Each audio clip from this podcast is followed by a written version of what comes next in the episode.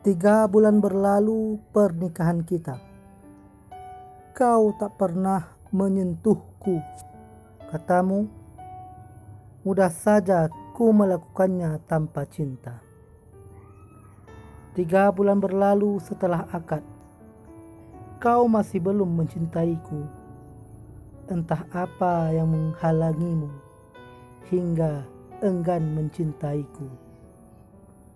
Tiga bulan berlalu sebelum usai. Kau masih saja diam membisu.